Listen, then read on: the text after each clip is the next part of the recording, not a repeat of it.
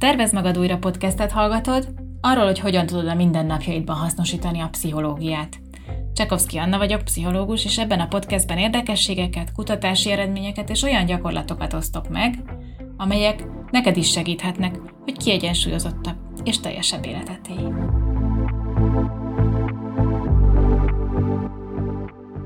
Akik tanácsadáson jártak nálam, azok általában mondjuk azt 90, de lehet, hogy 95 százalékban nagyon kíváncsiak voltak arra, hogy mit mond róluk egy személyiségteszt.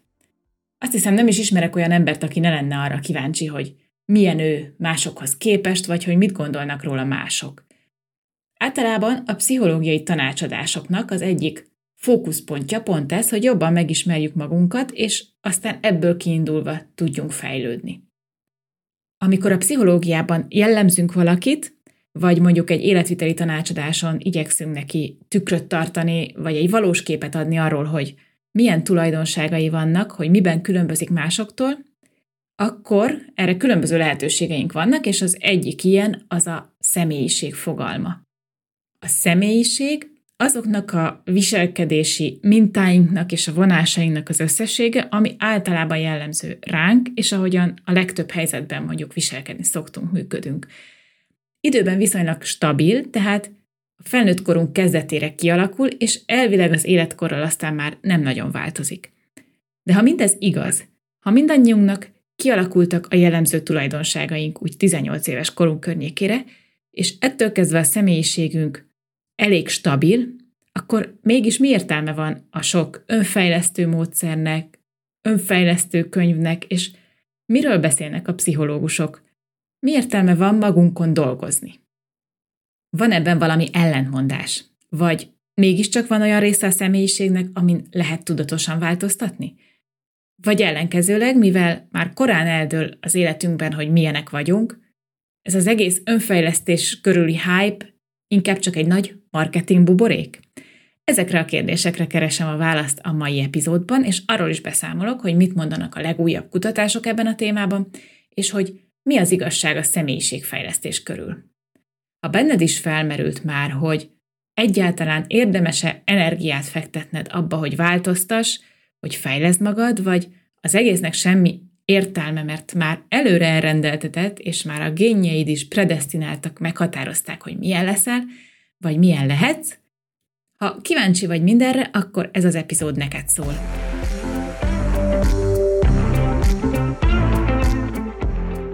Amikor elkezdtem a pszichológia szakot, már az alapképzésen ismerkedtünk a különféle személyiségtesztekkel és más pszichológiai mérőeszközökkel. A tanácsadásban is szoktak személyiségtesztet használni, az önismereti munka részeként, hogy kiderüljön, hogy miben egyedi valaki, hogy miben más, mint az emberek átlaga. Azt hiszem, hogy a képzésen ezek a tesztelős órák voltak a legnépszerűbbek. Mindenki nagyon izgatottan és kíváncsian várta, hogy mit mondanak majd róla a tesztek, és még az is megfordult a fejemben, hogy néhányan kifejezetten azért iratkoztak be pszichológia szakra, mert az a vágy hajtotta őket, hogy szeretnék magukat jobban megismerni. A saját munkámban is azt láttam, hogy a klienseim kivétel nélkül mind szerették volna tudni, hogy miben mások, mint a többi ember, hogy mik az ő saját jellemzőik, jellemvonásaik, és miben különlegesek. Karriertanácsadáson kifejezetten ez az egyik leginkább várt téma, amikor a személyiségteszt eredményekről beszélünk. Nekem azért az a tapasztalatom, hogy a legtöbben elég jól ismerjük magunkat, és amikor saját magunkat jellemezzük, akkor elég jó arányban ki tudjuk találni, hogy az egyes személyiség vonásokon hol helyezkedünk el a legtöbb emberhez képest. Leginkább elterjedt személyiségelmélet a pszichológiában a Big Five Theory, az az ötdimenziós személyiségmodell, amit a 80-as évek óta fejlesztenek, és sok nemzetközi pszichológiai kutatásban is ezt használják, hogy leírják a személyiséget. Hogy legyen egy képed arról, hogy mit is mér ez a személyiségteszt, meg hogy egy kicsit most így tesz nélkül is el tud helyezni magadat, leírom pár szóban ezt az öt nagy személyiségdimenziót. Ezt fontos tudnod, és ezt mindig hangsúlyozni szoktam, hogy nincsenek jó vagy rossz személyiségvonások, hanem mindannyian valahol állunk ezeken a skálákon, mondjuk valaki energikusabb, más valaki visszahúzódóbb, de az is lehet, hogy általában a kettő között vagy, és ekkora legtöbb emberhez hasonlítasz. Tehát, elsőként az extrovertált, introvertált skálát szokták emlegetni, ami arról szól, hogy mennyire keresed a kapcsolatot a világgal és az emberekkel. Például, hogy szívesebben vagy társaságban, vagy inkább abból tudsz töltekezni, ha egyedül vagy. Erről szerintem már nagyon sokan hallottatok, és valószínűleg van egy elképzelésed arról, hogy a skála melyik végéhez vagy közelebb. Ha pedig nincsen, akkor lehet, hogy az emberek legtöbbjéhez hasonlóan pont középen állsz, vagyis időnként jól érzed magad emberek között, máskor pedig azt igényled, hogy egyedül lehess. Lehetne még részletezni, hogy mi minden tartalmaz még ez az extrovertált, introvertált skála. Talán azt érdemes még hozzátenni, hogy a magabiztossággal és a dinamizmussal is kapcsolatban áll. A második dimenziót barátságosságnak nevezik, ez arról szól, hogy mennyire veszed tekintetbe mások igényeit, ha nagyon, akkor te inkább egy barátságos és empatikus ember vagy, skála másik végén pedig azok állnak, akik elsősorban magukra gondolnak. De úgy is lehetne jellemezni ezt a két végletet, hogy inkább együttérző vagy másokkal, vagy kevésbé érdekelnek mások érzései. Erre is igaz, hogy mindkét végletnek megvannak a maga előnyei, még akkor is, hogyha kulturálisan elsősorban azt tanultuk, hogy a segítőkészség a követendő érték. A harmadik személyiségvonás a lelkiismeretesség, vagyis az, hogy mennyire eltökélten és szorgalmasan tudsz tenni a céljaidért, és azt is ebben a dimenzióban mérik, hogy mennyire vagy alapos és precíz. Ha olyas valaki vagy, aki mindig rendet hagy az íróasztalán, aki szereti előre megszervezni a nyaralását, aki szereti tudni, hogy hogyan lesznek a dolgok, vagyis elég nagy az igényed a kontrollra, akkor valószínűleg magas értéket érnél el ezen a skálán. Ezzel szemben azok, akik kevésbé jól szervezettek és jobban szeretik a spontán dolgokat, a skála másik végéhez állnak közel. Csak érdekességképpen ez a vonás kimutathatóan összefüggésben van a munkahelyi teljesítménnyel, de egyes kutatások szerint még a párkapcsolati hűséggel is. Megint csak nem úgy kell ezt elképzelni, hogy egy kevésbé rendszerető ember mondjuk ne lenne hűséges, inkább azt lehetne mondani, hogy azok között, akik már léptek félre, több a spontánabb ember, mint a nagyon rendszerető. Nyilván nagyon leegyszerűsítve. A negyedik vonás az érzelmi stabilitás vagy instabilitás. Ez alatt azt értjük, hogy mennyire vagy hajlamos a hangulatingadozásra, vagy éppen a szomorúságra, lehangoltságra, vagy hogy mennyire vagy általában érzékeny a stresszre. Érdekes kis extra egyébként, hogy az érzékenyebb emberek gyakran egyúttal elég kreatívak is. De ez nem azt jelenti, hogy aki érzelmileg stabil, az nem tud kreatív lenni, inkább arról van szó, hogy a lelki érzékenység valahogy elősegíti, elősegít heti az eredeti látásmódot vagy a gondolkodást, bár a kettő közötti kapcsolat nem világos. Végül elérkeztünk az utolsó, az ötödik személyiségvonáshoz, ami a nyitottság az újra, mind intellektuálisan, mind pedig az értékrendedet vagy az élményeket illetően. Ha ezt és ehhez hasonló podcasteket hallgatsz, akkor elég nagy az esély rá, hogy te inkább az intellektuálisan nyitott emberek közé tartozol, vagyis Érdekelnek akár a tudományos újdonságok, a technológia, vagy akár az üzleti élet, vagy hogy több olyan téma is van, amiben szívesen olvasol és tanulsz újat, új dolgokat. Általában a skála másik végén a nagyon gyakorlatias emberek vannak, akik mondjuk kevésbé falják a tudást, és megelégszenek azzal, amit már tudnak, amit már ismernek. De ha szeretsz utazni és új kultúrákat felfedezni, vagy olyan élményeket kipróbálni, amit még nem csináltál, akkor valószínűleg az is inkább a nyitottság felé mutat. Illetve ha nem ijedsz meg a változásoktól, hanem inkább kihívásként nézel rájuk, akkor is nagy az esélye, hogy te nyitottabb személyiség vagy az átlagnál. Hogy hogy alakul ki a személyiség, abban a genetikának és az élményeinknek egyaránt van szerepe. Egyrészt a szüleinktől és a nagyszüleinktől örökölhetünk hajlamot bizonyos személyiségvonásokra, ahogy azt például az ikerkutatások is alátámasztják. Az ikerkutatások a pszichológiában azt teszik lehetővé, hogy ikerpárok vizsgálatával meg tudjuk állapítani, vagy különbséget tudjunk tenni a között, ami genetikus, velünk született, és ami tanult, vagyis amit a körülményeink alakítottak. Ilyen szempontból nagyobb a hasonlóság az egypetéjű ikrek között a személyiségben, még a kétpetéjű ikerpárok gyakran inkább különböznek személyiségvonásaik szempontjából is. Ez tehát azt jelenti, hogy a személyiségünknek van egy genetikailag meghatározott része, egy öröklött része. Gondolhatnánk azt, hogy ez az a rész, ami nem feltétlenül lehet változtatni, de azért ez így nem teljesen igaz. Másrésztről aztán a gyerekkori tapasztalataink bizonyos viselkedéseket megerősítenek, másokat pedig gyengítenek, tehát így épülnek be a személyiségünkbe ezek a tapasztalatok. Például lehet, hogy a családodban a szüleid annak örültek, hogyha te inkább eljátszottál egyedül egy sarokban, hogyha kevés volt veled a gond, sőt, kifejezetten erre biztattak, ezt jutalmazták, vagyis a visszahúzódó viselkedést tartották jónak, és, és erre bátorítottak téged, így mondjuk lehet, hogy te megtanultad, hogy ilyen legyél.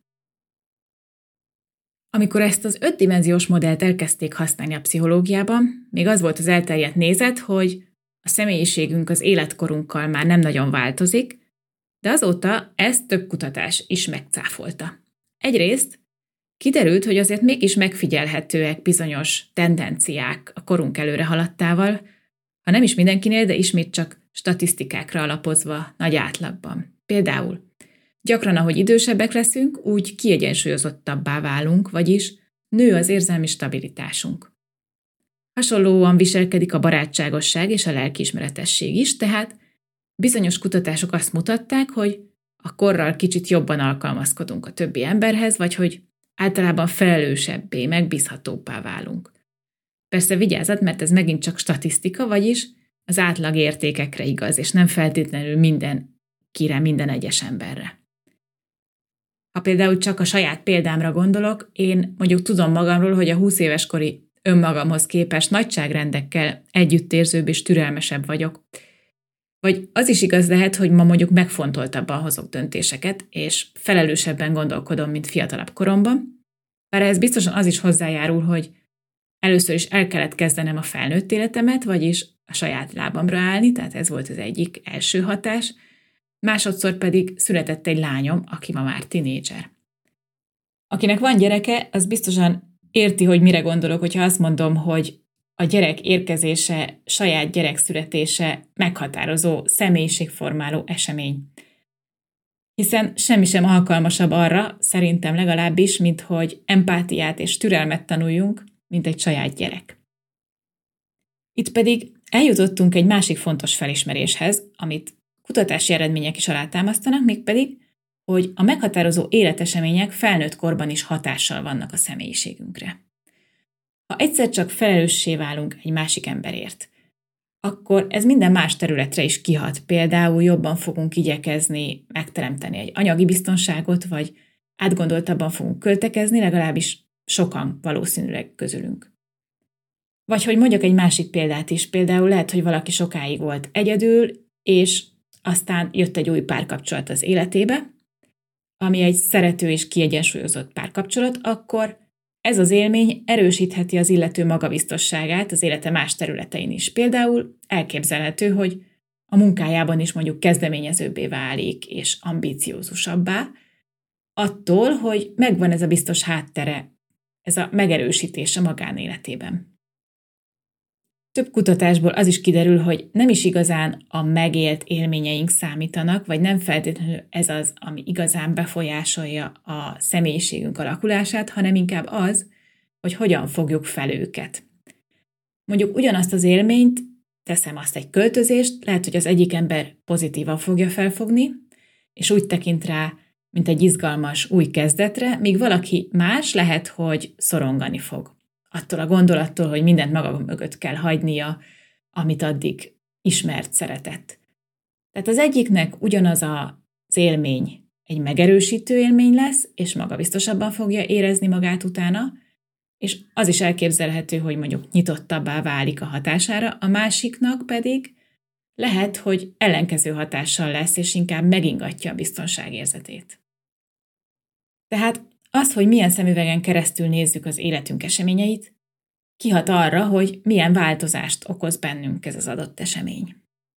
De mi a helyzet akkor, amikor mondjuk tudatosan szeretnék változtatni bizonyos vonásaimon? Teszem azt mondjuk, nagyon visszahúzódó vagyok, de szeretnék egy kicsit nyitottabb lenni az emberek felé, és úgy érzem, hogy mondjuk jót tenne nekem, hogyha többet járnék társaságba. vagy egy másik példa is elképzelhető, teszem azt valaki nagyon segítőkész, nagyon barátságos, de ez már odáig megy, hogy a saját érdekeit rendszeresen háttérbe szorítja, de szeretne mondjuk egy kicsit jó értelemben önzőbbé válni, vagyis jobban megvédeni magát, asszertívabbá válni. Hogyan tudunk tudatosan változtatni személyiség vonásainkon? Egyáltalán lehetséges ez, vagy az önfejlesztés tényleg csak egy mítosz? Nyilván nem lennék pszichológus, hogyha nem hinnék benne, hogy tudunk magunkon változtatni, de nem is szeretnék senkit azzal áltatni, hogy ez egy egyszerű, vagy könnyű, vagy gyors folyamat.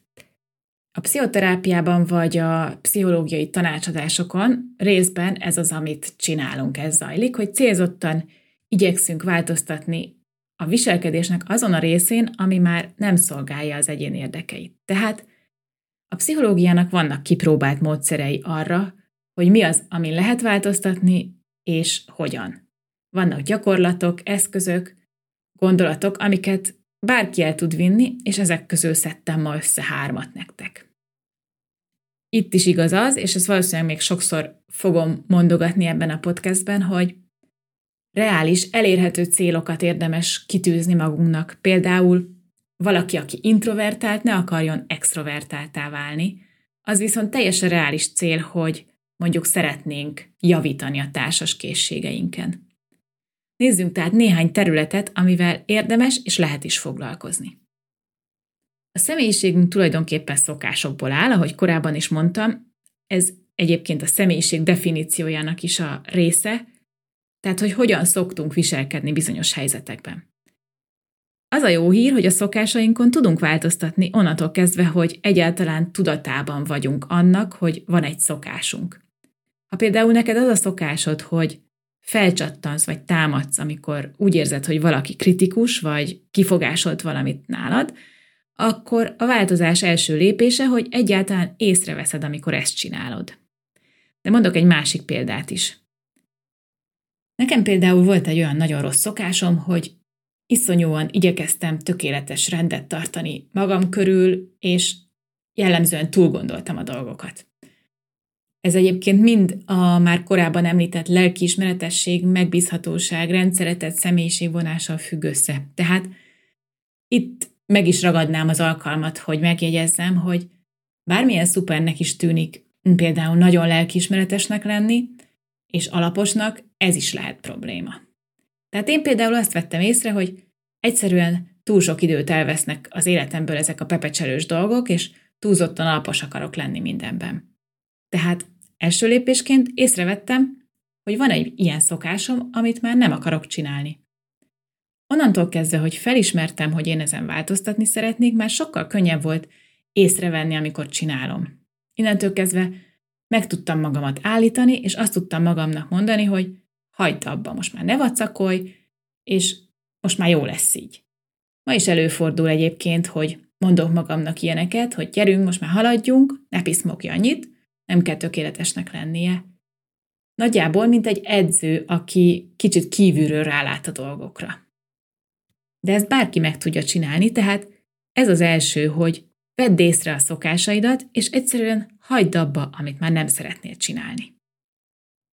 A következő tanácsom az önfejlesztést illetően az az, hogy gondold át, hogy viszont mit kell ahhoz csinálnod, hogy közelebb juss a céljaidhoz. Másként mondva, mondjuk hogyan gyakorolhatod többet azt, amilyen szeretnél lenni.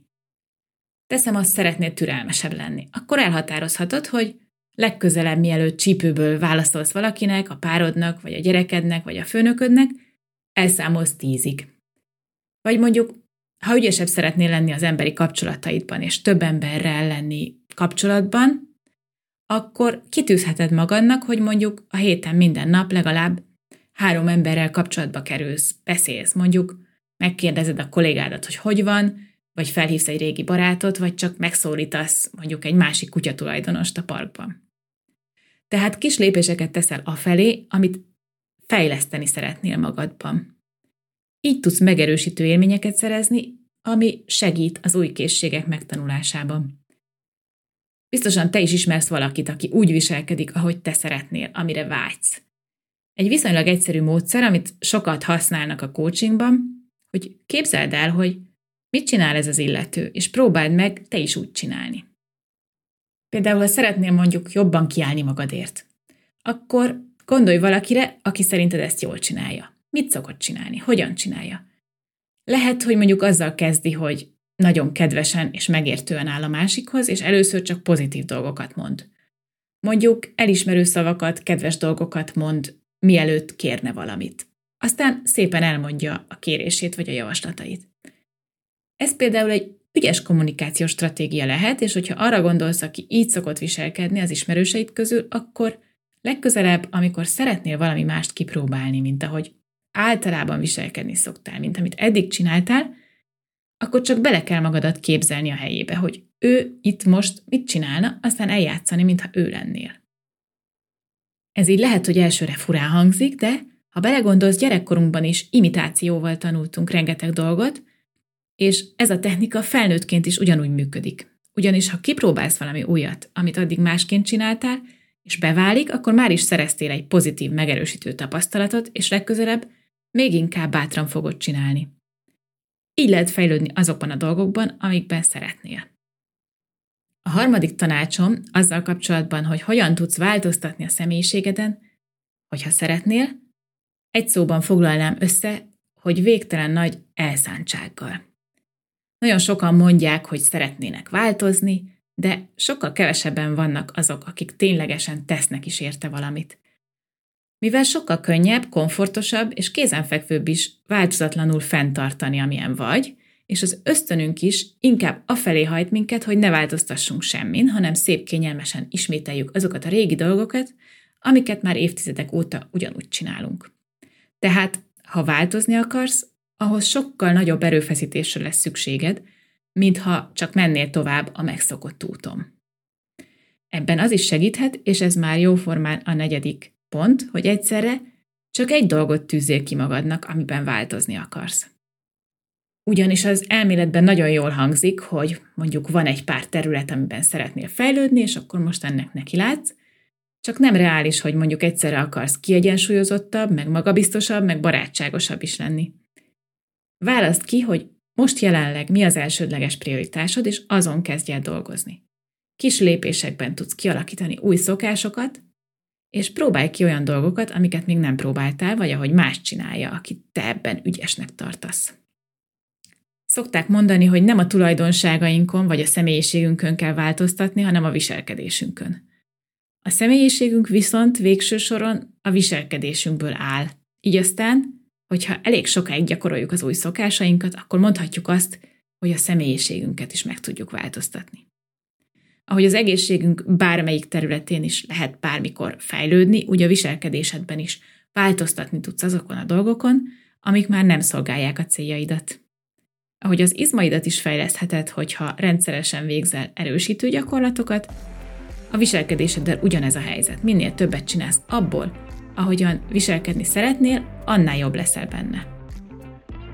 Köszönöm, hogy velem tartottál ma a Tervez magad újra podcastben, jövő héten egy újabb epizóddal várlak. Ha tetszett az epizód, és szeretnél még hasonló tartalmakat hallgatni, akkor kövesd a podcastet, és értékeld az adást.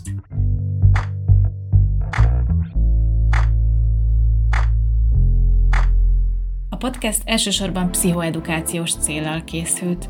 Az elhangzottak nem helyettesítik a személyre szabott pszichológiai tanácsadást vagy a terápiát.